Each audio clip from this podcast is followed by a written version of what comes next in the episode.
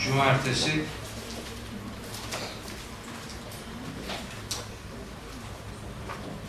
Daha isabetli bir seçim idi demek ki. Ee, gelenler açısından. Mazeret elbette oluyor, kaçınılmaz. Mazeretlerin önceliklerini ya da önemini belirlemede turnusol görevi görüyorum. Bu saat değişiklikleri, gün değişiklikleri. Biz bugün Mekke döneminin orta uzunlukta indirildiğini düşündüğümüz surelerinden bir tane örnek olsun diye ben Lokman suresi demiştim ama bu olmak zorunda değil. Arzu ettiğiniz başka bir sure varsa onu da anlatabilirim. Ee, yani derdim sadece bir orta uzunlukta Mekki bir surede nelerin olduğunu aşağı yukarı bir örnek bağlamında görebilmek idi. Eğer Lokman suresi olsun kararlılığımız devam ediyorsa ben Lokman suresini başlatabilirim. Ama Cuma akşamlarını boş geçirmeyelim kabilinden Yasin de olsa iyi olur de diyebilirsiniz. Yasin suresi Cuma akşamlarının şenlik tuttuğumuz suredir. O da olur. Bir başkası Mülk suresi olabilir. Hani Mülk suresini okuyanlar kabir azabından kurtuluyorlar. O da olabilir. Hud suresi olabilir. O da peygamberimizi niye ihtiyarlatmış onu görmek mümkün olur. Her teklifi açayım çünkü ben bu surelerin tefsirlerini defalarca ders olarak yaptım. Benim için çok önemli bir dert değil hangisini okumak. Ama Lokman suresini eğer okursak bu bugün yarısını ertesi derste bir yarısını okuyup ikisini bitirebiliriz. İki haftada e, inşallah Lokman suresini bitirebiliriz. Çok ilgimi çeken bir ayeti var bu surenin 10. ve 11. ayetleri. Sadece onları konuşmaya bile değeceğini düşünüyorum bu Lokman suresini işlemenin e, önemi bağ bağlamında. Şimdi Lokman suresi Mekke'de indirilmiş bir sure. İçerisinde Hz. Lokman'ın oğluna nasihatlerinin bir grup ayette yer aldığını gördüğümüz ve bazı rivayetlere göre birkaç ayetinin Medine'de indirilmiş olduğu söylenen bir sure. O ayetlerin Medine'de indirilmişliğini kabul etmemizi gerektirecek önemli bir içerik ya da bir gerek olmadığıyla alakalı bir takım e, tereddütler var bizim literatürümüzde. Lokman, Hazreti Lokman'ın oğluna yaptığı nasihatleri okuduğumuzda bu nasihatlerin peygamber ağzıyla söylenmiş nasihatler olduğunu anlamakta güçlük çekmeyeceğimizi sanıyorum. Bu itibarla adına sure tanzim edilen bir ismin peygamber olmaması için bir gerekçe olmadığını ifade etmek isterim.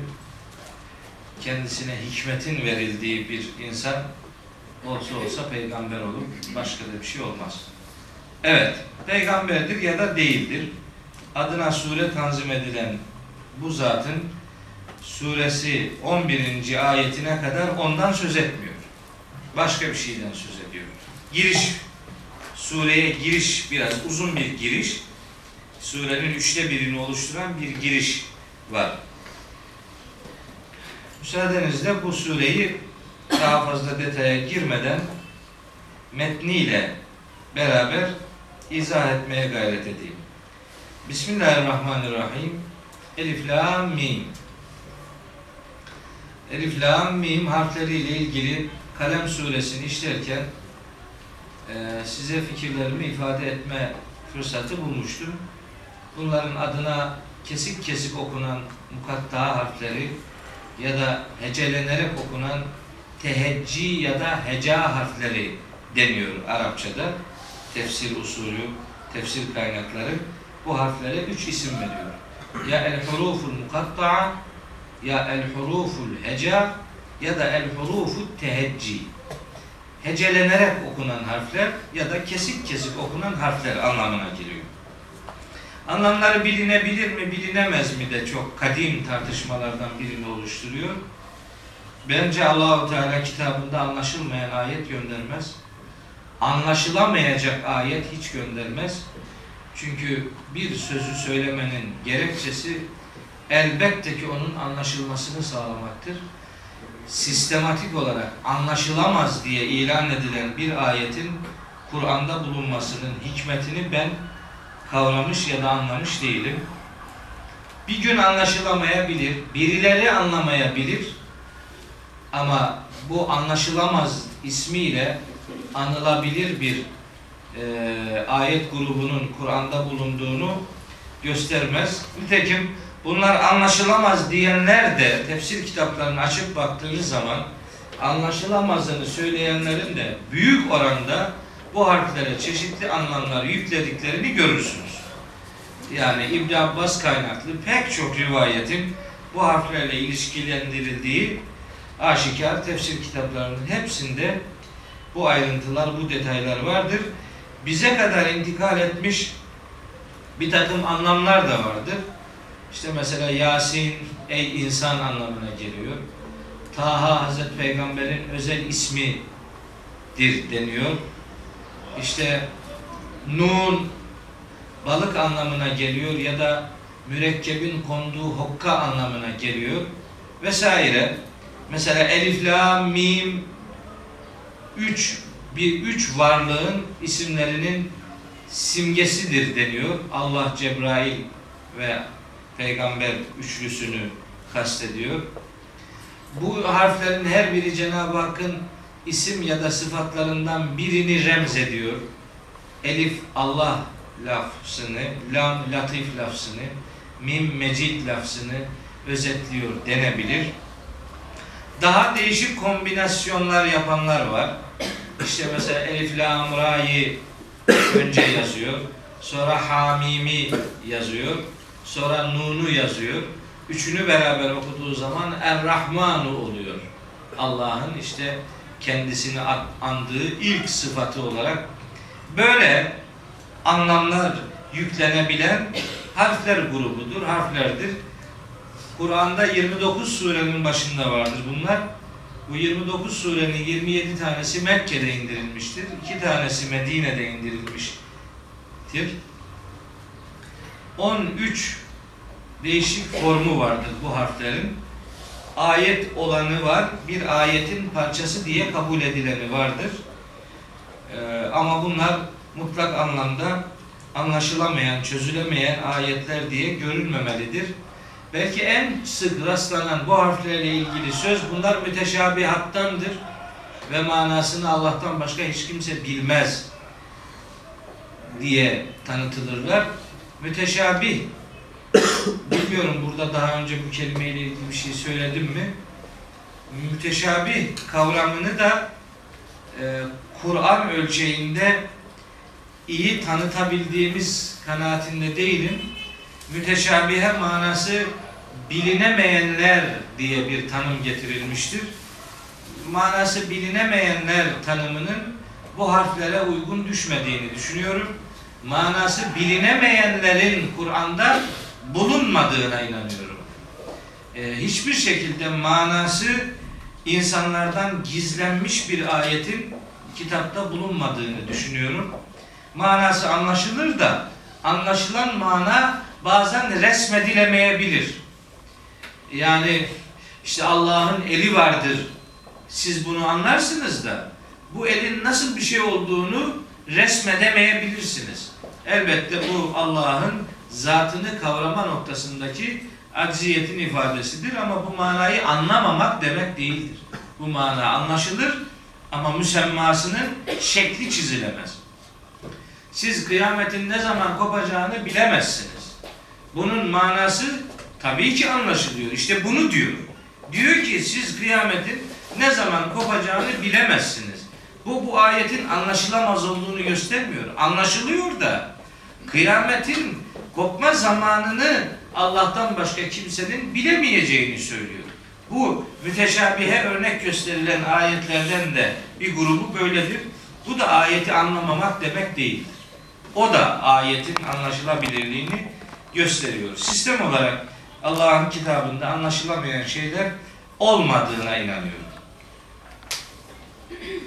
Bunu gerekçelendirebileceğim çok ayet var zihnimde. Yani bu anlamın doğruluğunu ispat anlamında çok gerekçem var. Mesela Saat suresinde Yüce Allah kitabını indirirken indirme gerekçesi bağlamında buyuruyor ki kitabın enzelnahu ileyke mübarekün liyeddebberu ayatihi Saat suresinin 29. ayeti. Bu sana indirdiğimiz kitap öyle muhterem, öyle mübarek, öyle kıymetli bir kitaptır ki şunun için indirdik. Ayetlerini tedebbür etsinler insanlar. Tedebbür demek yani ayetlerin tedebbürü ayetlerin anlaşılması değildir. Ayetlerin düşünülmesi değildir. Ayetlerin tefekkürü değildir. Ayetlerin tezekkürü değildir. Ayetlerin teakkulü da değildir. Hep Arapça kelimeleri kullanıyorum mahsus. Yani Allah o ayeti şöyle indirebilirdi. Kitabın enzelnahu ileyke mübarekün liyetefekkeru diyebilirdi. Liyetezekkeru diyebilirdi. Liyetefekkahu diyebilirdi. Liyakilu diyebilirdi. Liyesma'u diyebilirdi. Liyubsiru diyebilirdi. Ama hiçbirini demedi. Başka bir kelime kullandı. O kelimelerin her biri ayetlerin dışıyla alakalı kelimelerdir. Düşünmek, anlamak, akletmek kelimenin kendisinin size verdiği manalarla buluşmanızı sağlar. Oysa tedebbür yani kullanılan kelime Kur'an'da o ayet hariç üç ayette daha geçer o kelime. Tedebbür e, tedebbür bir şeyin arka planını görebilmek demektir. Deber arka demektir. Deber liyedebberu aynı kökten gelir. Bir şeyin arka planını görebilmek demektir. Yani daha somut bir ifade söyleyeyim. Tedebbür diğer söylediğim kelimeden kelimelerden farklı olarak o kelimeler ayetlerin satırlarını okumak demektir. Ama tedebbür satır aralarını okumak demektir. Ayetlerin mantığını kavrayabilmek demektir. Arka planını görebilmek. Ayetlerinin arka planı görülsün diye indirildiği ilan edilen bir kitabın içinde ayetinin görünen yüzü de anlaşılamaz diyebileceğimiz bir ayet bulunamaz kitapta. Arka planını bile düşünün denen bir kitabın önünü bile anlayamazsınız anlamına gelebilecek bir e, dayatmanın, bir önü kapatmanın olamayacağını düşünüyorum. Hidayet kaynağı diye ilan edilen bir kitabın hidayete kapalı bir ayetinin bulunamayacağını düşünüyorum. E, apaçık Arapça bir dille gönderildiği ilan edilen bir kitabın apaçık olmayan hatta açık bile olmayan bir ayetinin bulunamayacağını düşünüyorum. Ama gelin görün ki bizim tefsir usulü kitaplarında Garibul Kur'an, Mübhemul Kur'an, Müşkilul Kur'an, Müteşabihul Kur'an yani Kur'an'ın garip kelimeleri, Kur'an'ın muğlak ifadeleri, Kur'an'ın müşkil ifadeleri, Kur'an'ın mübhem, kapalı, üstünü hiç açmadığı ifadeleri diye ilan edilen Kur'an ilimleri başlıkları vardır. Ben bunların hiçbirini kabul etmiyorum. Allah'ın kitabını elden geldiği kadar anlaşılamaz diye göstermenin kimseye bir yararı olmayacağını düşünüyorum. Biri biraz daha kompleks olabilir. Bir ayet daha 5-10 ayetle ilişkilendirilerek anlaşılabilir olabilir. Başka bir ayet tek başına anlaşılabilir olur. Bu diğerinin anlaşılamazlığını göstermez. Anlaşılabilir diye ilan edilmelidir ki onu anlamaya insanlar gayret etsin. Anlaşılamaz diye ilan ederseniz bir grup ayeti anlaşılamazların sayısını artırmaya insanlar yarışırlar. Onun için ciltler dolusu kitaplar yazılıyor. Nasih mensuh konusu bu anlaşılamamanın örneklerinden bir tanesidir. Ayeti anlamayınca ayetin işlevini ortadan kaldırmak yeğlenmiştir. Ayetlerin içi boşaltılmıştır. Mensuh ayetler içi boşaltılmış ayetler demektir.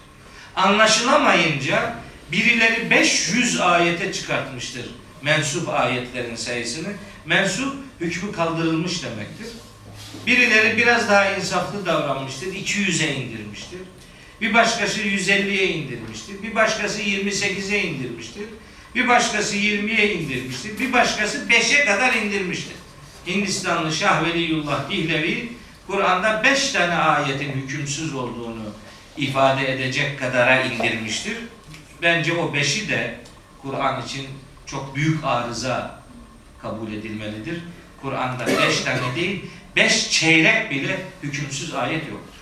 Allah'ın kitabı başından sonuna kadar hüküm icra eden kitap. Anlaşılabilen bir kitap. Bunun dışında hiçbir fikri zerre kadar kabul etmediğimi itiraf edin. Kim ne derse desin. Efendim, e, geçen gün biri söyledi, işte nesih konusunu işledim fakültedeki dersinde. Hocam işte içkiyle ilgili ayetler var. E varsa var. Ne olmuş yani o ayetlerde nesih mi var? Varmış. Sizi şerefimle temin ederim ki nesin asla söz konusu olamayacağı bir örnektir o. Hani belki başka örneklerde belki bir şey olur ama o örnekte hayatta hiç olmaz o yani. Ta başından beri içkiyi çirkin diye ilan eden bir kitabın o çirkinliği ortadan kaldıracağı anlamına gelebilen nesil o ayetlerde görmek, inanın Kur'an'ın derdini anlamamak demektir. Bu itibarla bu mukatta harflerine de aynı mantıkla bakıyorum. Bugün illa mukatta harfleriyle ilgili yeni bir şey söylemek gerekirse onları da söyleyebiliriz. Aklımız kestiği kadar. Birileri kalkıp diyor ki mesela bu mukatta harfleri surenin içerisinde başka bir peygambere gönderme yapılıyorsa o peygambere gelen kitabın ya da o peygamberin risaletinin işareti olabilir. O ayetlerin hangi surenin başındaysa da o surenin isimleri olabilir. Ama bugün daha başka bir şey söyleyebiliriz. Bilgisayarı kullanan insanlar olarak. Bence bu ayetlerin her harfi üzerine tıkladığınız zaman önünüze yeni bir dünyanın açıldığı dosya numaralarıdır. Bu ayetler bence sureye projektör vazifesi gören efendim e, harflerdir, uygulamalardır. Onlara baktığın her biriyle uğraştığınızda önünüze bir hakikat çıkar. Müsaade edilsin de bu tür ayetlerle ilgili de insanlar zihin yorsunlar. Anlaşılamaz diye ilan edilince 28-30 ayetten otomatikman kurtulmuş olunuyor. Buna taraftar olmadığımı ifade etmek isterim. Peki illa motamot nedir diye sormayın. O kadar açık olsaydı e, bunlar zaten hiç tartışılmazdı. Fikir yürütülür. Kur'an bütünlüğüne aykırı olmamak kaydıyla tevhidi zedelememek kaydıyla metinle çatışmamak kaydıyla bu ayetler de hakkında fikir üretilmeye müsait uygun ayetlerdir. Evet. Tilke ikinci ayeti. Tilke işte şunlar ayatül kitabil hakim. Hakim bir kitabın ayetleridir. Hakim hikmetlerle dolu demek. Hikmet içi içi boş olmayan, içi dolu değerler demektir. İçi dolu, boş olmayan. Elif, la, mimin de içi boş değildir. Hikmetli olmak içi dolu olmayı gerektiriyor. Allah'ın her ayetinin içi olabildiğince doludur. Hangi kitap? İşte bu kitap. Yani adına Kur'an dediğimiz bu vahiy bütünü oluşturan kitabın ayetleridir. Şimdi okunacak olanlar. Şunun için bunlar vahye konu edilmişlerdir. Hüden ve rahmeten lil muhsinin. Bir defa hidayet vesilesidir. Hidayet davetçisidir bu ayetler. Ve rahmet vesilesidir. Kime? Lil muhsinine, ihsan sahibi insanlara. Muhsin ve ihsan kelimeleri bizim literatürümüzde çok tartışılan kelimelerdir. Şöyle formüle edilmiştir. Bir hadisi şerifi referans alarak ilan edilmiştir ki ihsan Efendimizin ifadesiyle el ihsanu en ta'budallaha ke enneke terahu fe in lem tekun terahu fe innehu yarake. İhsan Allah'ı görüyormuşsun gibi ibadet etmendir. Sen onu her ne kadar görmüyorsan da o seni görüyor. Bu tarife diyecek bir şeyimiz yok.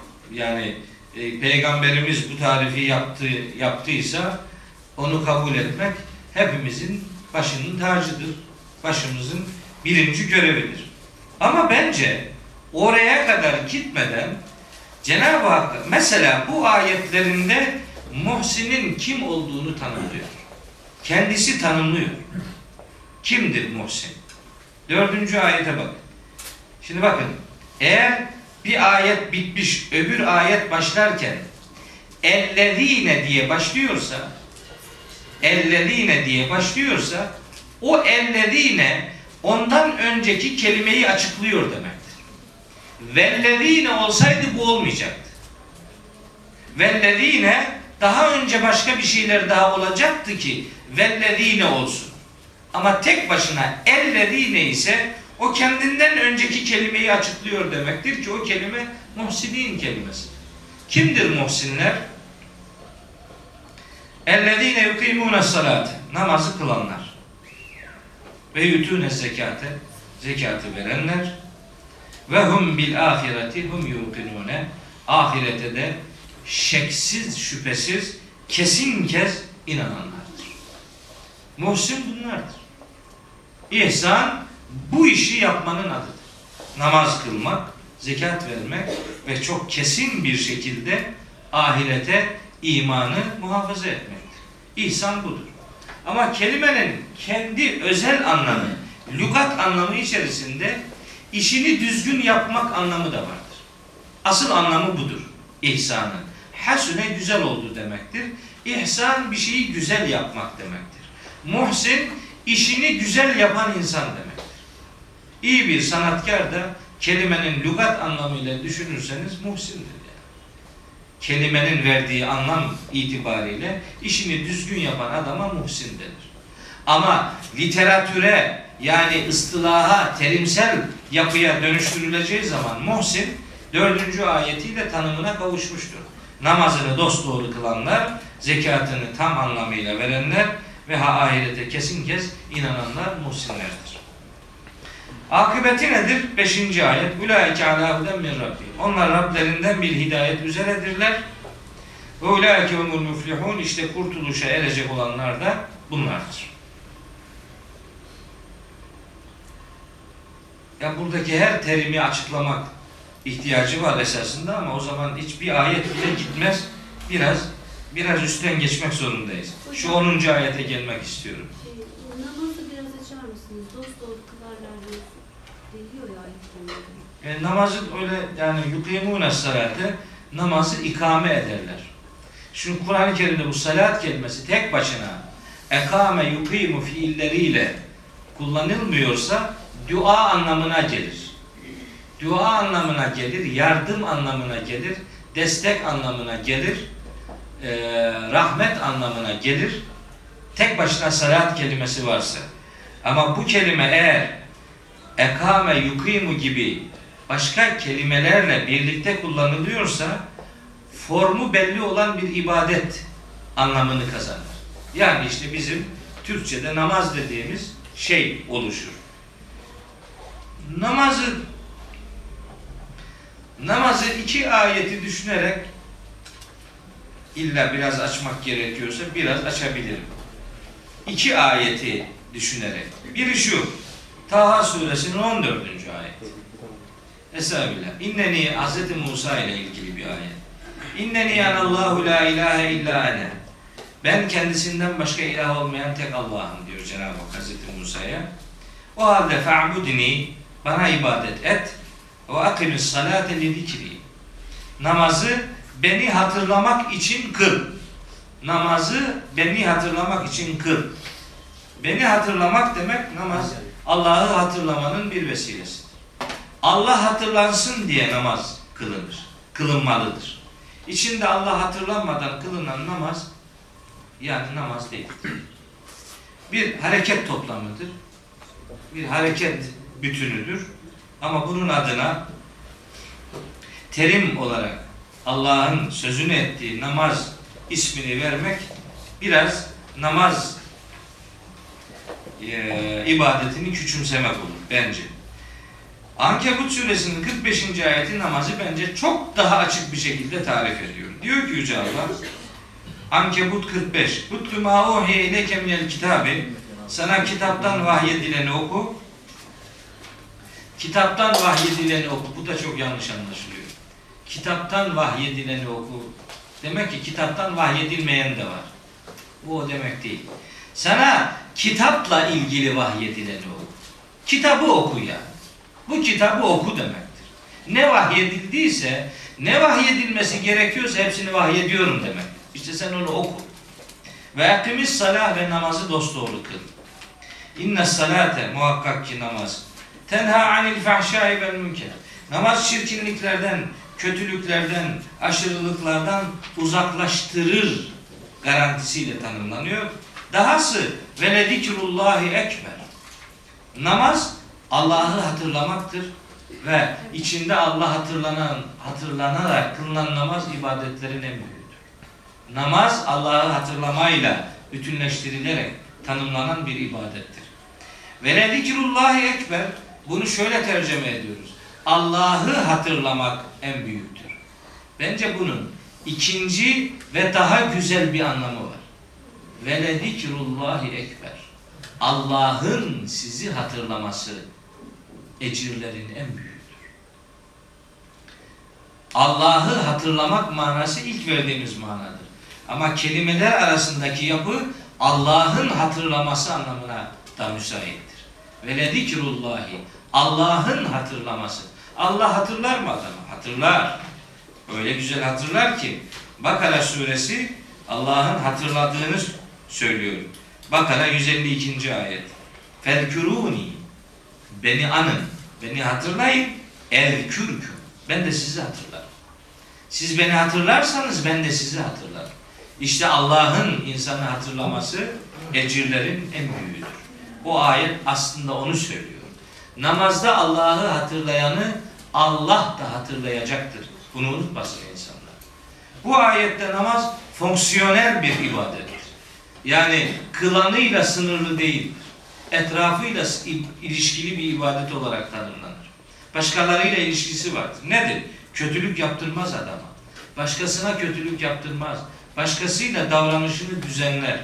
Öyle ki bu anlam o kadar doğrudur ki Hud suresinde namazı tanımlarken Hazreti Şuayb namazı anlatıyor etrafındakilere. Etrafındakiler diyor ki Hud suresi 87. ayette. Etrafındakiler Hazreti Şuayb'a diyor ki Galu demişler ki Ya Şuaybu Ey Şuayb Esalatüke Senin namazın mı? Te'muruke Sana şunları emrediyor. Neyi? En netruke ma ya'budu abauna Atalarımızın yaptığı ibadeti bizim terk etmemizi namazın mı emrediyor? Ev yoksa en nef'ale fi emvalina ma neşa. Kendi mallarımızla ilgili dilediğimizi yapmamızı terk etmemizi mi namazın emrediyor? Namaz bu ayette fonksiyonel bir ibadet. Başka çirkinlikleri insanlardan uzaklaştıracak etkisiyle tanıtılan bir ibadet. Yani sosyal bir ibadet olarak tanımlanıyor. Şuayb peygamberin dilinden Hud suresinin 87. ayetinde. Size samimi bir itirafımı söyleyeyim. Ama bunu başka bir yerde dillendirmeyin. Mahrem bir görüştür bu. Kameraya kaydedilen görüş ne kadar mahrem olursa işte o kadar mahremdir. Kamerayı durduran hocam. Yok. Yok yani bilinen her şey söylenmelidir. Hakkı gizleyenler ruzi mahşerde en zalimler diye nitelendirilecek. Kur'an ayetidir. Namazdan şunu anlıyorum.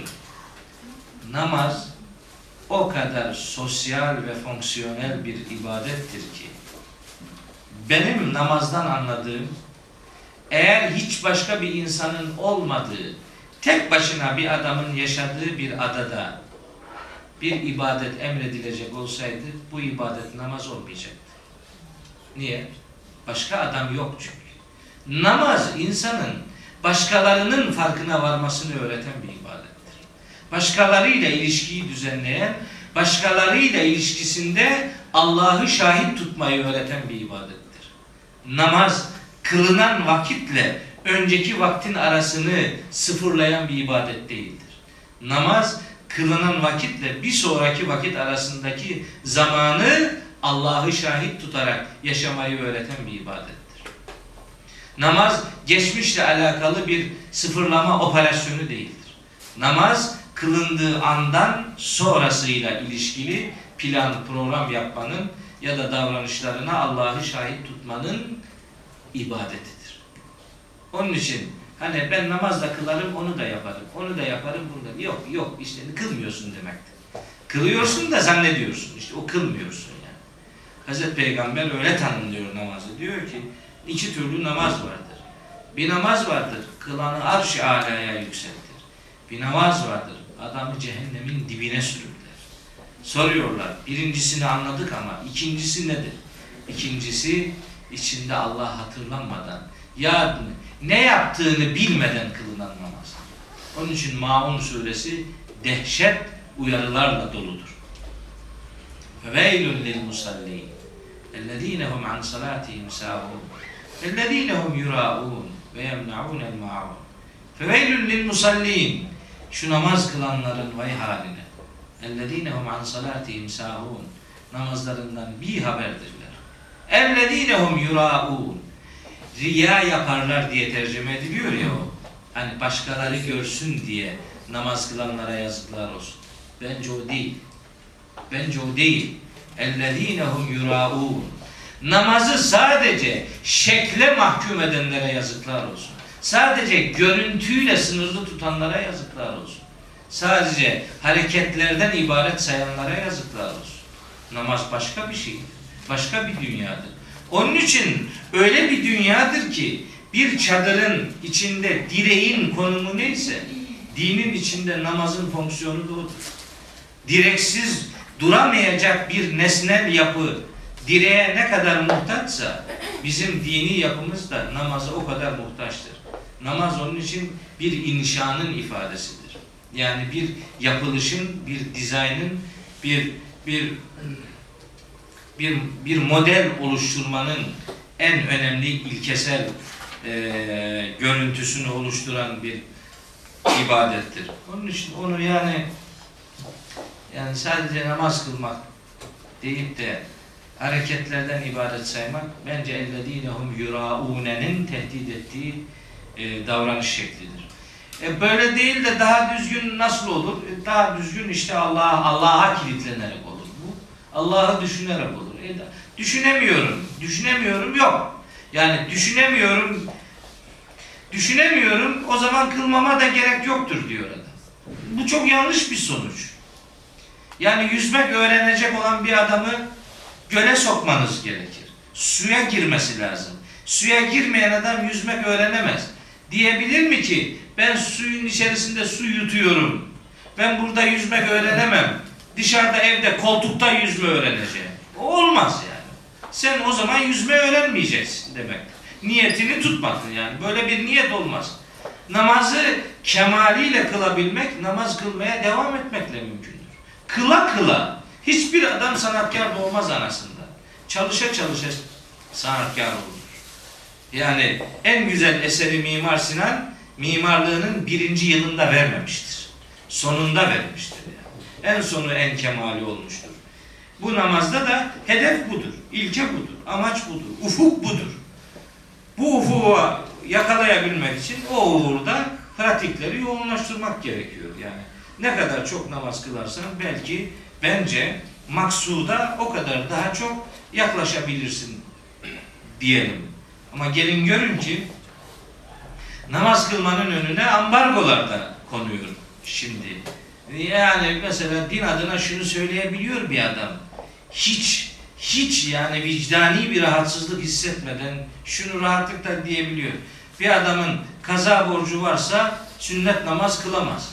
Ne, ne, nereden çıkardın bunu? Nasıl böyle bir ambargo koyuyorsun yani? Ne, kim öğretti bunu sana?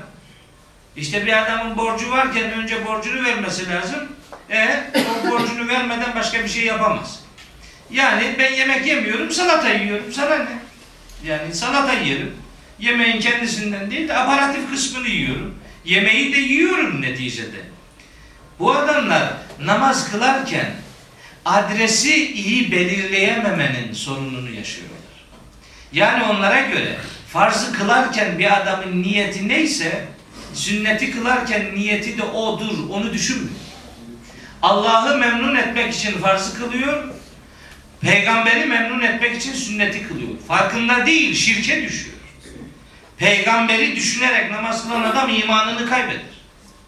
Hazreti Peygamber sünnet, şimdi bizim adına sünnet dediğimiz namazlara niyet ederken Peygamberimiz Ya Rabbi niyet eyledim öğle namazının sünnetini diye niyet etmiyordu yani. O sadece namaz kılıyordu. O namazın ister farz olsun, ister vacip olsun, ister sünnet olsun, ister nafile olsun, ister revatip sünnet olsun, ister regaib sünnet olsun. Hangisi olursa olsun. Başlayan namaz Allah'a kilitlenilmesi gereken bir ibadettir. O başladıktan sonra onun ismi namazın içiğini değiştirmez. Bir başkası memnun edilsin diye namaz kılınmaz. Peygamber memnun edilsin diye namaz kılınmaz.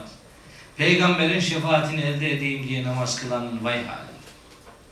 Allah rızasının ötesinde namaz kılınmaz. Kategorizasyonlar var işte maalesef böyle. Öyle olunca bu borçtur deyince diyor ki bu borcun varken öbürünü yapamazsın. Sanki öbürü o borcun başka bir adresine gidiyor. İyi ya o da oraya gidiyor ya. Bırak adam kaza da kılsın, sünnet de kılsın, nafile ne, ne kılsın. Onun secdesinin adresi Allah'tır. Secdesinde adresini Allah diye belirleyen bir adama ambargolar koymanın ne anlamı var? Daha uç bir örnek vereyim. Hani derler ki bazen işte filanca yerde cuma olmaz. Niye? Olmaz. İyi de yani niçin olmaz? İşte bu işte bir takım şartları var. Kim belirledi bu şartları? Namazın şartlarını namazı emreden belirler. Onun belirlediği şartlar burada var. Filanca yerde cuma olmaz. Niye olmuyormuş cuma? Olmaz. Bakın. Adını, gününü, vaktini Cenab-ı Hakk'ın belirlediği tek namaz cuma namazıdır. Bunu hiç kimse birinin öbürünün şartına kurban edemez.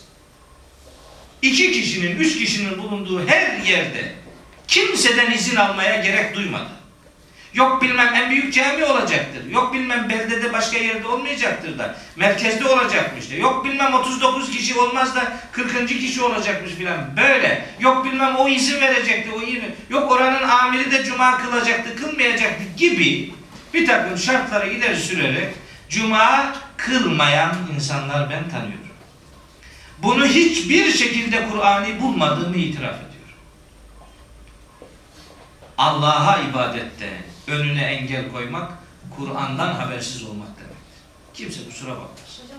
Ben ibadetin önüne böyle ambargo, din adına ambargo koyulamayacağına kaniyim. Ama başka vesilelerle biri başka bir engel koyarsa onu tartışırım o başka.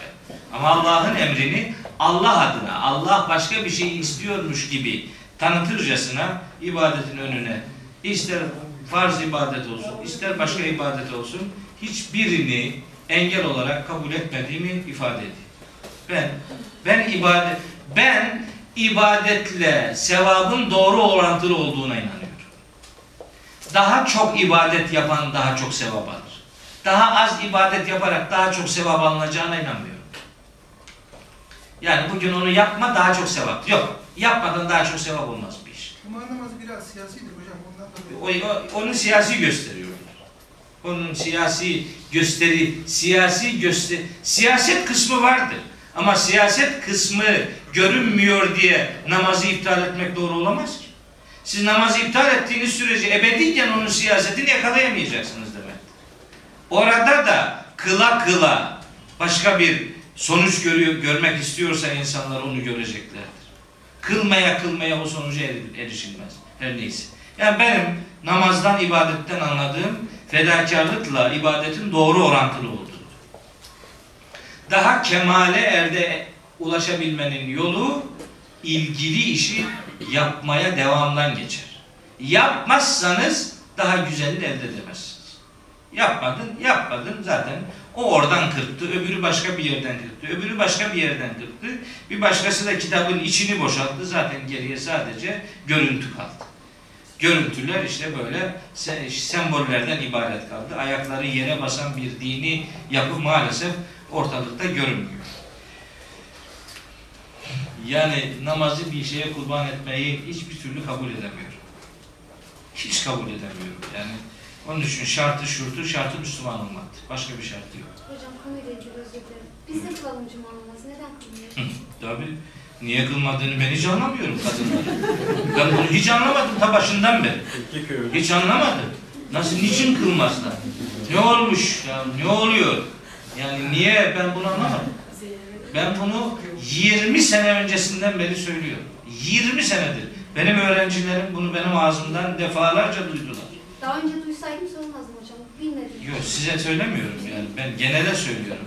Yani gerçekten gerçekten Cuma ibadet Peygamberimiz cumaları kıldırıyordu.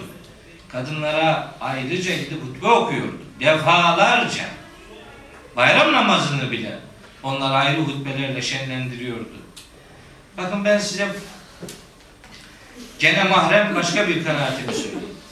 Söyleyeyim yani. Beni tanımakta beni tanıyan böyle tanısın. Sevecekse sevsin, sevmeyecekse sevmesin. Men heleke an beyinetin ve yahya men hayye an beyinetin. Helak olacak olanın da bir delili olsun, hayatta kalacak olanın da bir delili olsun. Duruşumuz neyse adam gibi onu bilelim birbirimizle ilgili. Ben İslam dinini bize aktaran geçmişlerin yani Selefi Salihin diyelim. Eski ilim adamlarının, Hazreti Peygamber'den sonra bize bu dini aktaranların hatadan uzak insanlar diye tanıtılmasını hiçbir şekilde kabul edemiyorum. Ve endişem odur ki İslam dinini bize anlatanlar, aktaranlar bize İslam kültürünü aktardılar. Ve o kültürün içi Kur'an'da olmayan motiflerle dolu halde geldi. Özellikle kadınlarla ilgili. Kadınların sosyal hayatıyla ve ibadet hayatıyla ilgili. Bize o kültürde nakledilen bilgilerin defol olduğuna inanıyorum. O kültürden bize nakledilen bilgilerin büyük oranda Arapların kadına bakışının etkisiyle bunun bize aktarıldığına inanıyorum. O kadar hayati konularda Kur'an'ın devre dışı bırakıldığına onlarca örneğim var.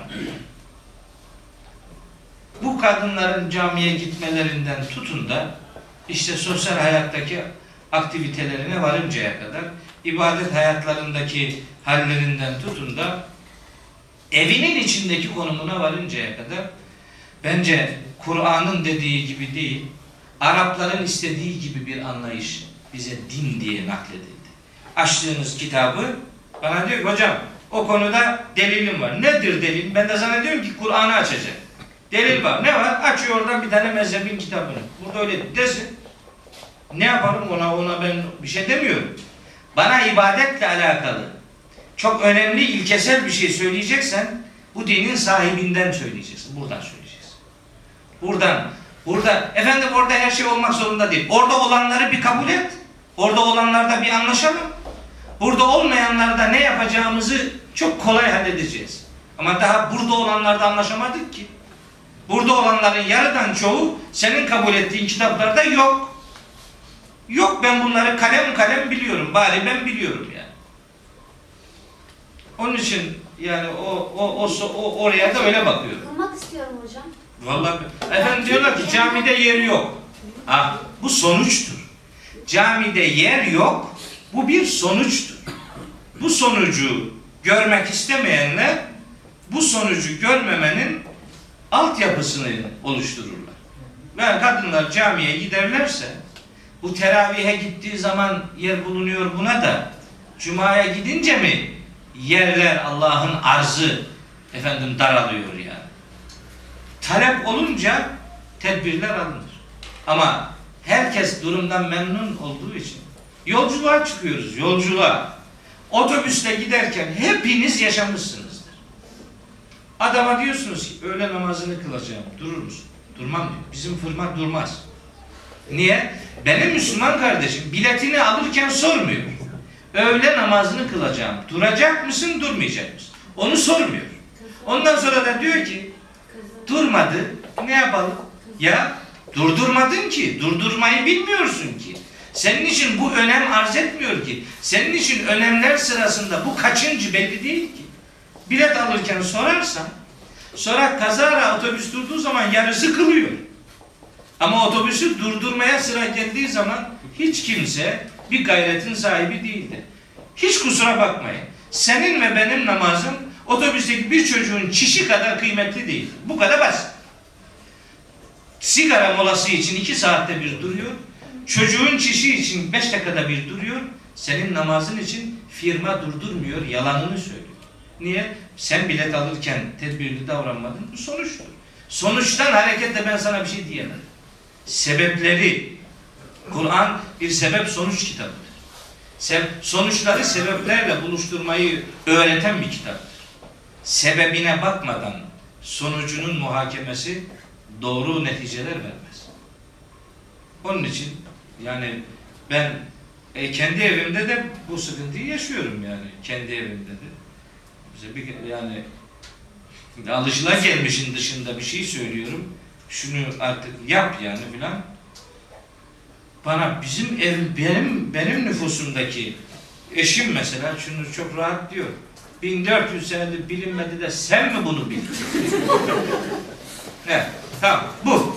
Bu bu cümle beni helak ediyor. Yani nakavt olmuş bir boksöre dönüyor. Yapacak hiçbir şey yok. Şimdi siz ne derseniz deyin. Ne derseniz deyin. Çünkü bu soruyu soran adamla aynı aynı bağlamda anlaşabileceğimiz ortak bir metin yok ortada. Benim itibar ettiğim, benim şaşmaz diye kabul ettiğim bu kitabı o defolu görüyor. Diyor ki o, o, o nedir ki diyor sen o o daha görünenin kim bilir onda biri bile değil. Gerisi o kadar kitaplar var. Asıl onlardır. Bu nedir? Bu garnitür. Bunu arada aparatif olarak salata gibi kullanırsın bunu yani. Asıl yemek bu değil. Yok kardeşim ben böyle bakmıyorum. Kimse kusura bakmaz. Ben kitapta bir şey bulduysam, delilimi Kur'an diye belirlemeyi becerebildiysem, hangi kitapta ne yazarsa yazsın, din adına o kitabı değil bu kitabı tercih ederim. Ben hayatımı böyle dizayn ettim. Ona aykırı buna, ne aykırı olursa olsun, Allah'ın kitabına aykırı olmasın yeter benim için. Burada varsa böyledir. Ha burada olmayan şeyler de vardır şüphesiz.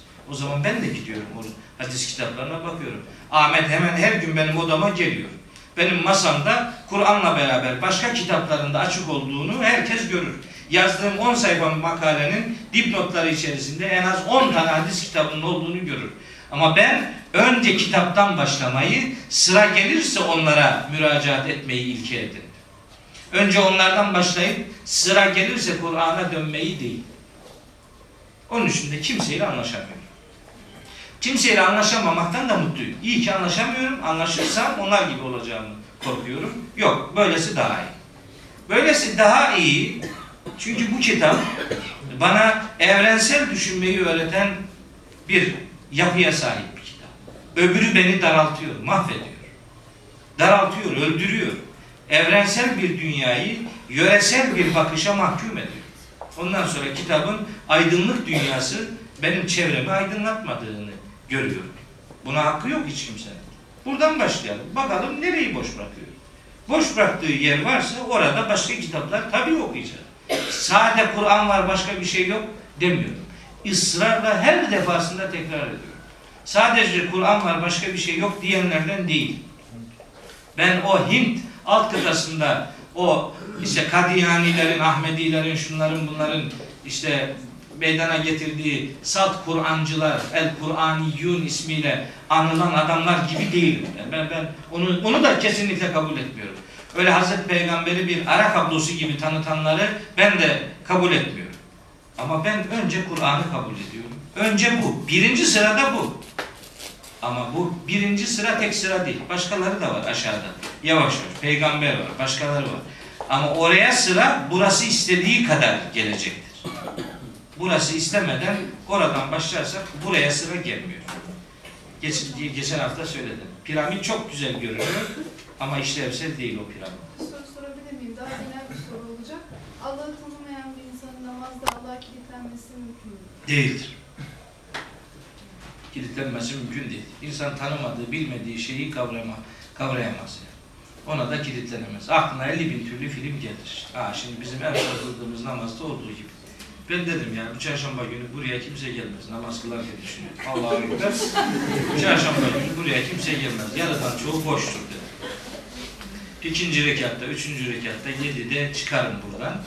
İşte sekizde şurada bir randevum var. Oraya giderim. Esselamu Aleyküm ve Rahmetullah. Bitti namaz. Vallahi böyle. Hiç Allah'ı hatırlamadım. Sizinki de aynıdır. Daha beterdir. Ben gene belki burayı düşündüm. Bir hayır bir şey düşündüm. Sizinki Fatih ne düşündü? Dönem ne zaman bitecek? Efendim kaç kişi kaldı, kaç kişi geçti? Üç ay tatil var. Üç ay tatil var onunla beraber. Ticaret hanesi olan düşünüyorduk. İşte müşteri kaç tane gelecek, fotokopi kaç lira, bilmem ne. Esselamu Aleyküm. Hep bu. Bundan başka bir şey değil. Böyle kılınırsa bu kemal sağlamıyor işte. O, bakın, bakın. Bir duygumu daha size söyleyeyim. Namaz, Kur'an'ın vahyedilen ilk sıralarındaki surelerinde ilk emirleri arasında yok. Aslında namaz bir sonuçtur. Epey bir birikimin pratiğe dökülmesidir. Hiçbir birikim olmadan biri namazla mutlu olduğunu iddia ediyorsa yalan konuşuyor. Olmaz. Ayak kıyamda durmanın kainattaki başka bir grup varlığın tesbih olduğunu düşünmeyen, rükuda durmanın bir başka grup canlının tesbihi olduğunu düşünemeyen, secdede durmanın Allah'a en yakın olmak anlamında bir duygu, coşkunluğu oluşturması gerektiğini düşünmeyen, secdesinde gözünden yaş boşaltamayan, Sübhane Rabbiyel A'la'yı hiç Kur'anileştiremeyen bir adam rekatların sayılarıyla uğraşır. Ne zaman bitti? Kaçıncı rekattayım? Ha selam verdim, ha selam vereceğim. A'la öyle bitiriyor namaz. Memlekette kılınan teravih namazlarını düşünün. Hazreti Peygamber görse var ya hepimizi dayaktan geçirir. Böyle namaz olur mu? Yarış arabasına dönüştürülen bir namaz, böyle bir namaz olabilir mi? 20 dakikada 20 rekat namaz kılınabilir mi arkadaş? Yatsı namazının iki rekatlı farz, dört rekatlı farzını adam gibi kılıyoruz. Güzel güzel, yavaş yavaş. Adamın ne okuduğunu anlıyorsun işte. Becerebiliyorsan bir şey düşünüyorsun filan. Ama aradaki iki rekat sünnetten sonra teravih başlayınca başlıyor. Böyle bir derin nefes alıyor böyle. Yani çok büyük bir oksijen depolamasıyla. Dalin. Dalin de duruyor. Nefes bittiği için orada duruyor. Böyle dalinde nefesi durmasa orada da durmayacak. Yani o zamm-ı sure dediğimiz eklemeyi de yapacak. E, ihtiyar adamlar var mesela böyle. İhtiyar adam secdeden zar zor kalkıyor. Bir gün e, burada bir camide namaz kılıyordum. Böyle çok yaşlı bir amca bir de teravih namazı var teravih motoruna dönüşmüş. Yani öyle helak olduk. Terden su olduk. Öyle hızlı kıldırıyor bizi. dedim ki amca dedim. arada selam verdik. Yanımdaydı. Sen dedim secdeden kalkmaya şey yapma. Zorlama kendini. Niye dedi hocam? Ya zaten dedim yarım saniye sürmeyecek yetişeceğiz seni. Ne kırılıp duruyorsun? Sen doğrulmadan biz geliyoruz zaten. Ne fuzuli kalkıyorsun ya? Kalkma. Böyle ayağa kalkarken rükû gibiyken yat aşağıya. Çünkü hocanın yavaş gitmek gibi bir derdi yok. Burada Rasathane Camisi'nde bundan yıllar önce namaz kılıyordum. Bir başladı hızlı kılıyor. Öyle hızlı kılıyor ki. Dedim ki kendi işimde. Selam versin vallahi çıkacağım camiden. Birinci selamda çıkacağım. Dört rekat kıldık selam vermedi. Kalk. Altıda vermedi. Sekizde vermedi. Onda vermedi. Yirmi rekatta verdi. En sonunda En sonunda vallahi en sonunda selam verdi. Kaçamadık yani. Yani kaçmaya fırsat bulamadık. Kaçamadık. Namaz bitti. Kapıda bekliyorum. Sucuk gibi su olduk. Dedim ya hocam dedim bu akşam başka bir yerde daha bir teravih daha kıldıracak mısın? Yok dedi. Ya ne oluyor sana kardeşim? Böyle namaz olur mu dedim ya. Yani Allah aşkına kimi kandırıyoruz böyle? Şurada iki rekat adam gibi kılmak bunun gibi 200 bin rekattan daha eftaldır. Böyle namaz olmaz ki. Şekle mahkum edilmiş bir din böyle görüntülere sahne olur. Ya bu budur. Ve Abdullah bin Sebe de öyle uğraşmıştı. Münafıkça yaşadı yaşadı, bir gömleğin onu kurtaracağını zannetti. Yemezler, kurtarır. Hemen tak ayet geldi. Yok böyle bir kurtarıştı. Ben bunun bu kadar kolay olmadığını düşünüyorum. Yani ayetin, Kur'an'ın mantığının içi, insan, içini doldurduğu bir insandan söz ediyor Kur'an-ı. İçi bomboş bir adamdan söz etmiyor.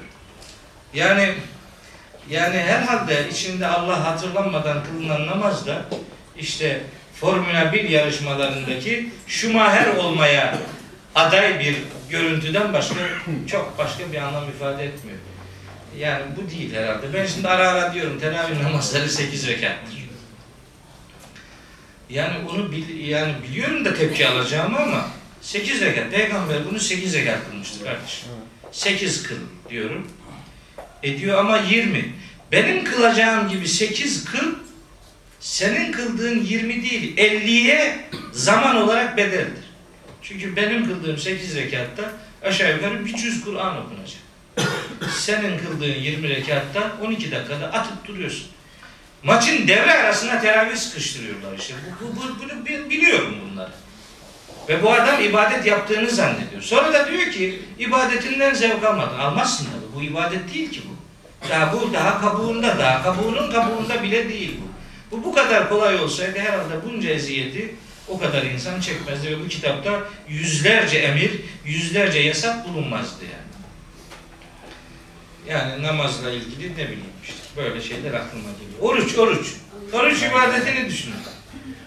Bakın ben bütün ibadetlerin insanlara empatiyi öğretmek için var edildiğine inanıyorum. Empatiyi öğretmek içindir. Yani başka bir başkasının farkına varacaksın.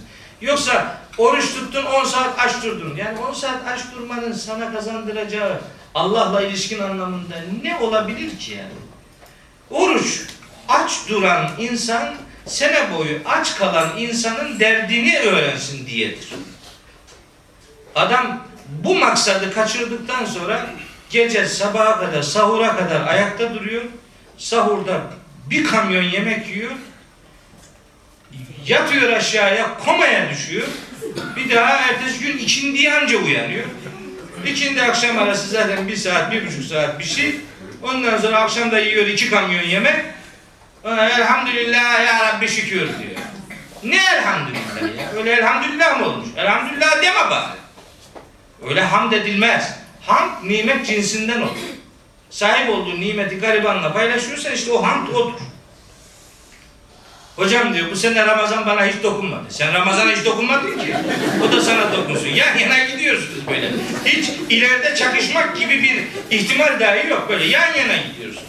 Niye? Ona göre 10 saat aç durmaktır oruç. Halbuki o değildir. لَعَلَّكُمْ تَتَّقُون'dur oruç. Allah'a karşı bütünüyle sorumluluğunuzu kavra, kavramayı öğretir. Bu da açlığı hissederek olur. Açlığı hissetmedi. Yani Ramazan'dan önce marketlerin önüne bakarsınız kuyruk var. Nedir? Depolama yapıyor. Sanki dersin ki karantina kıtlık geliyor yani. Böyle dolduruyor mutfağı ve kendini bakıma çekiyor. Böyle ibadet olmaz Allah aşkına. Bu değil yani. Ya o değil de hiç olmasın demiyorum. İşte onun olmadığını kavrayarak yavaş yavaş sofrasında garibanı da görebilecek anlayışı insanların hesap etmesi lazım. Bu kurbanda da böyledir. Zekatta da öyledir. Ne bileyim işte oruçta da böyledir. Namazda da öyledir. İbadetlerin tamamı hali ve istikbali ilgilendiren pratiklerdir. Geçmişi sıfırlama operasyonları değildir. İbadetler bilgisayarlara format atma işlemi gibi bir şey değildir. İbadet istikbali yönel istikbaldeki yönelişlerin dozunu işte kalitesini, şeklini belirleme, belirlediğimiz motiflerdir. Böyle olursa inşa olur.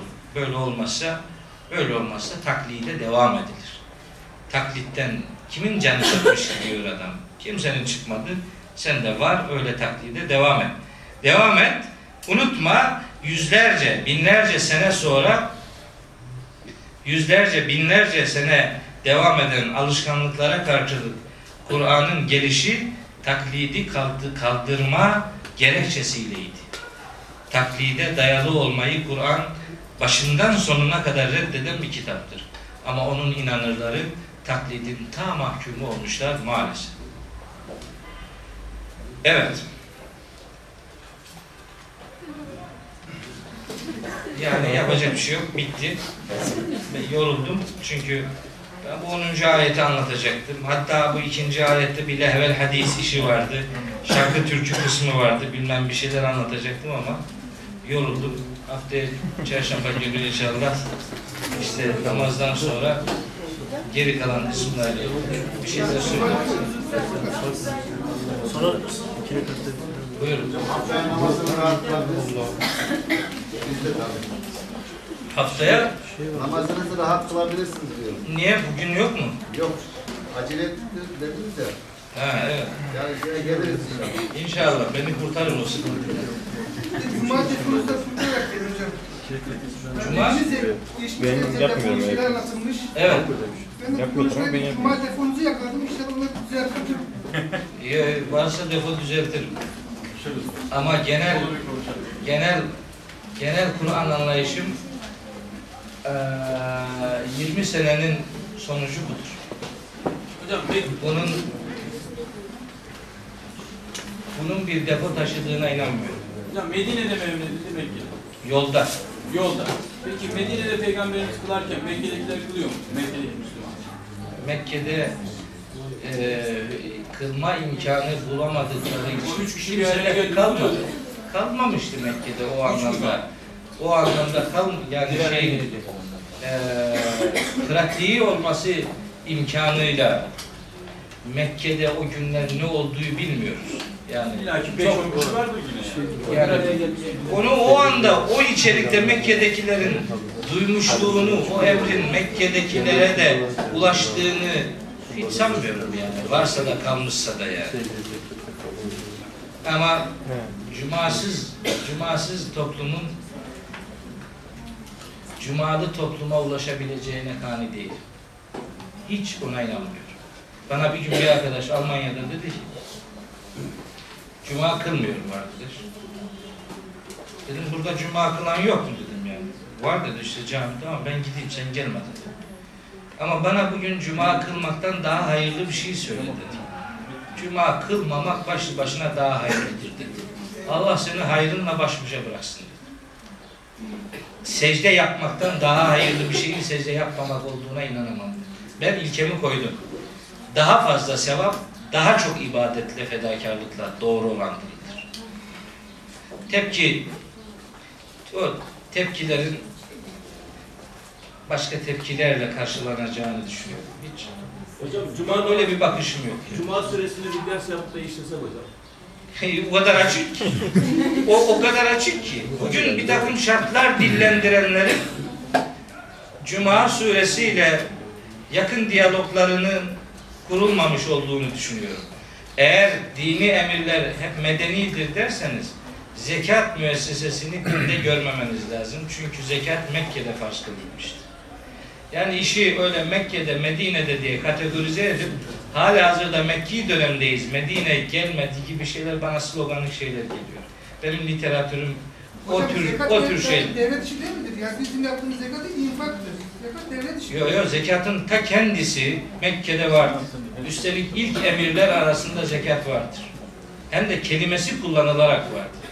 Hatta biraz da malum denerek miktarı dahi bellidir Mekke'de. Yalnız meselelerde şey sıkıntımız var. Feveylül lil musallin diye namaz kılanlara vay haline diyoruz. Orada da bir namaz kılma var. O da bir secde ibadetidir. Yani her alnı yere koymak. Cuma günü olsun, bayram günü olsun veya başka bir zaman olsun. alnı yere koymak olmanın gerekçesi olarak namaz kılmak.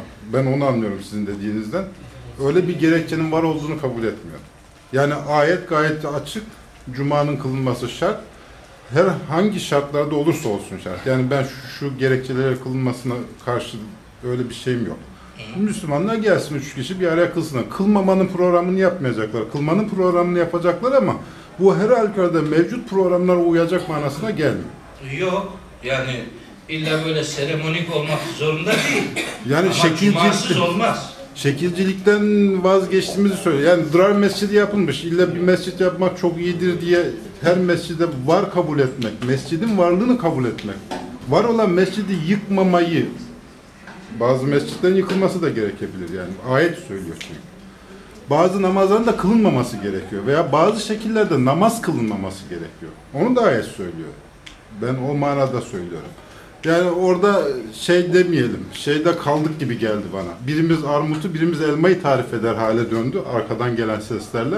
Ben aranızda bu manada nüans fark olduğunu zannetmiyorum. Namaz bazında bakarsak, içi dolu bir namaz olarak bakarsak muhakkak var. Bunun inkarı, geciktirilmesi, vazgeçilmesi, şeklinin değiştirilmesi vesairesi yok. Ama her böyle şeklin de namaz olmadığını az önce siz de söylediniz zaten. Öyle O zaten ayet de söylüyor zaten. sadece şekli tarif etmek, şekli taklit etmek değil. İçini elbette doldurmak hedeftir. Onun Ama orada bir grup var, için bir ona cami devam var. etmek gerektiğine kaniyim. Ama Yani ben şimdi bu cuma kılmayanları iyi bilirim. Yani Türkiye'de cuma kılmayanlarla yıllarca beraberliği olmuş bir adam. Neler düşündüklerini çok iyi biliyorum. Ben o düşünülen şeylerin doğru olduğunu kabul etmiyorum. O, o tür tepkisel hareketlerin birine kızarak Allah'a secdesizliğe yöneldiğine inanıyorum. Onun fayda getireceğine hiç kari değil. Yo, ben şunu söylüyorum. Siz şekilsel olarak dört tane duvarı olan, üstünde kubbesi, bir minaresi olan yeri cami, içindeki bütün cemaatin mümin, Müslüman, içinde yapılan ibadeti de namaz kabul ediyorsunuz. Ve orada var olmamayı o namazdan, bu camiden ve buradan uzaklaşmak olarak düşünüyorsunuz. Yani orada bir yanlışlığımız var gibi geliyor bana. Yok yani ben He? şimdi Yani bütün yer, yeryüzünün bütününün mescit kılındığını bilen bir adam. Yani illa duvarlarla duvar olmasa bile birliktelik anlamında bunun bir emir olduğunu ve o emrin de formu belli olan ibadet dediğimiz namazı, hutbesi olan, şekli belli olan bir ibadet olduğunu biliyorum. Bunun ötesinde başka bir şey de onun gibi bir ibadetleri kabul edemem. O başka bir ibadet olur. Başka bir şeydir o. Ama adına cuma denecekse vakti o gün olan peygamberin uygulamasıyla da şekli, şemaili, sınırı belli olan bir hareketi e, birileri içini dolduramamış, içini boşaltmış. İyisi mi ben de bunu bunu hiç tekrar etmeyeyim, başka bir şey yapayım mı ben kabul edemem. Bence o içi boşaltılanın içini doldurmayı, gene orada doldurmaya gayret etmek, gene ona devam ederek gayret etmek daha doğrudur. Hocam, Başka bir şey de Kur'an arka planından bahsetmiştik ya. Sizin Evet. Cuma olayında da o, siz bir kavramı açıklamıştınız. Yani arka planını görmek. evet satır aralarını görmek. Evet. Cuma'nın siyasi bir şeyi varsa siz de buna saygı göstermelisiniz ki e, nasıl ki Cuma'ya gitmeyenler, Cuma'ya gidenlere kafir, şeydir diyemiyorsa siz onlara karşı şey yapmamalısınız. Çünkü nedir siyasi bir şeyi fonksiyonu vardır Cuma'nın. Bakın fonksiyonu olması şu başka bir şeydir, diyelim- ondan ibarettir demek başka bir şey. Ama şuna diyelim ki mesela e, bir rejim sancısı çeken bir insan veya da polis teşkilatını diye Cuma kılmayanları hep tesbih etmeye çalışır. Niye? Çünkü siyasi bir fonksiyonu var onun. E, onun için Cuma'yı o kadar çok basite almayalım, kılanları da öyle yapmayalım yani. Mavi da tespit ediyor. Kılmayanları da mı? Özellikle kılmayanları tesbih etmeye çalışır. Kılanlar Niye? Çünkü siyasi bir fonksiyonu vardır Cuma'nın. Cuma çok ayrı bir olay. Var, ben fonksiyonu daha Mekke'den Medine'ye giderken yolda farz kılınmış bir ibadetin bugün tanıtıldığı gibi o kadar büyük bir siyasallığa indirgenmeye müsait olduğuna kani değil.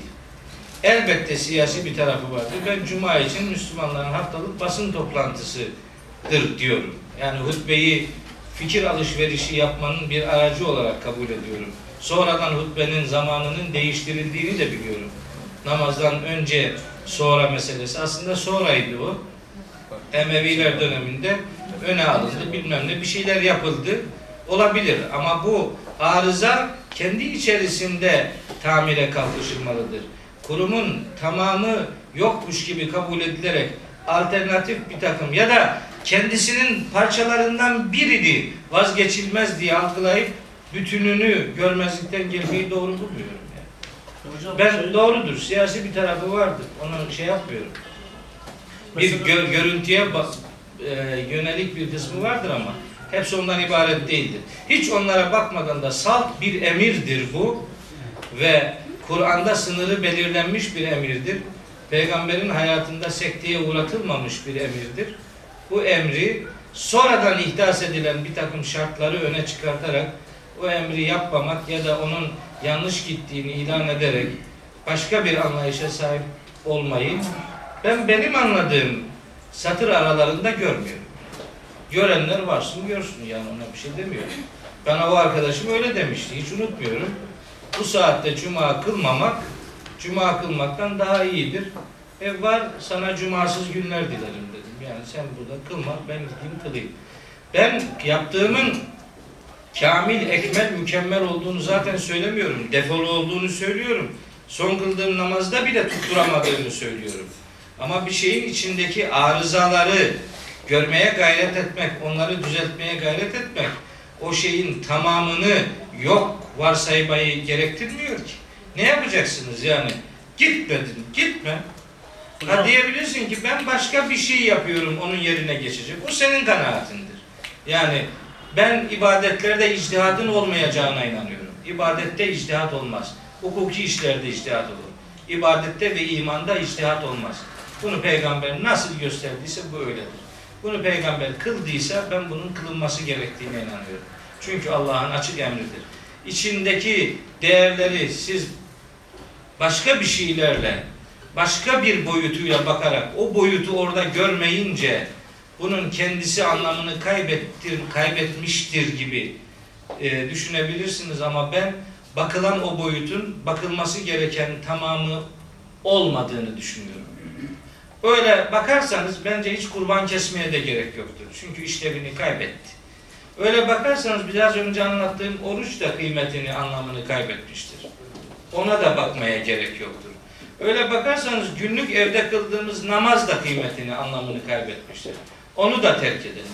Ben arızalardan bakıp terk etmeyi değil, arızaları görüp onu devam ettirerek düzeltmenin daha doğru olduğuna inanıyorum. Onun için yani öyle düşünüyorum. Yok ayetinde hissetmiyoruz zaten. Öyle bir şey de söylendiğini zannetmiyorum. Orada onu özellikle dedim. Yani Cuma'nın farziyetiyle ilgili. Kim Tamam. kararını verecek bunun artık cuma olur diyebileceğinin Onu hiç kim kimse verecek? diyemez. O Yani zaman ömrümüzün Cuma- sonuna kadar kılmayacağız bunu. İsa'yı beklemeye benzer bu. Yunus suresi 87. ayeti Yoksa siz İsa'yı musunuz? Elbette beklemiyorum. Asla beklemiyorum. ben bunu Hiçbir şekilde beklemiyorum. Bekleyenler de turşusunu kursun. Yunus suresi 87. ayet alternatif olabilir mi? ne? Birisi, 87 Yunus suresi 87. Madem diyorsunuz ki üç kişi de olsa kılacaksın namazı. Evet. Evet o işte. O değil mi? Evet. Efendim? Yani ben böyle düşünüyorum. Nasıl biliyorsunuz?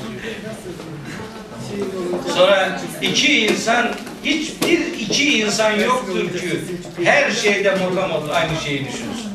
Ben motamot düşüncemin Kur'an'la örtüşmesinden yanayım. Başka biriyle örtüşmesi hiç önemli benim bir, öyle bir hedefim yok. Yani kalabalıktan yana değil. Tek olayım ama Kur'an'la olayım. Yeter bana. Evet. Haftaya görüşmek üzere.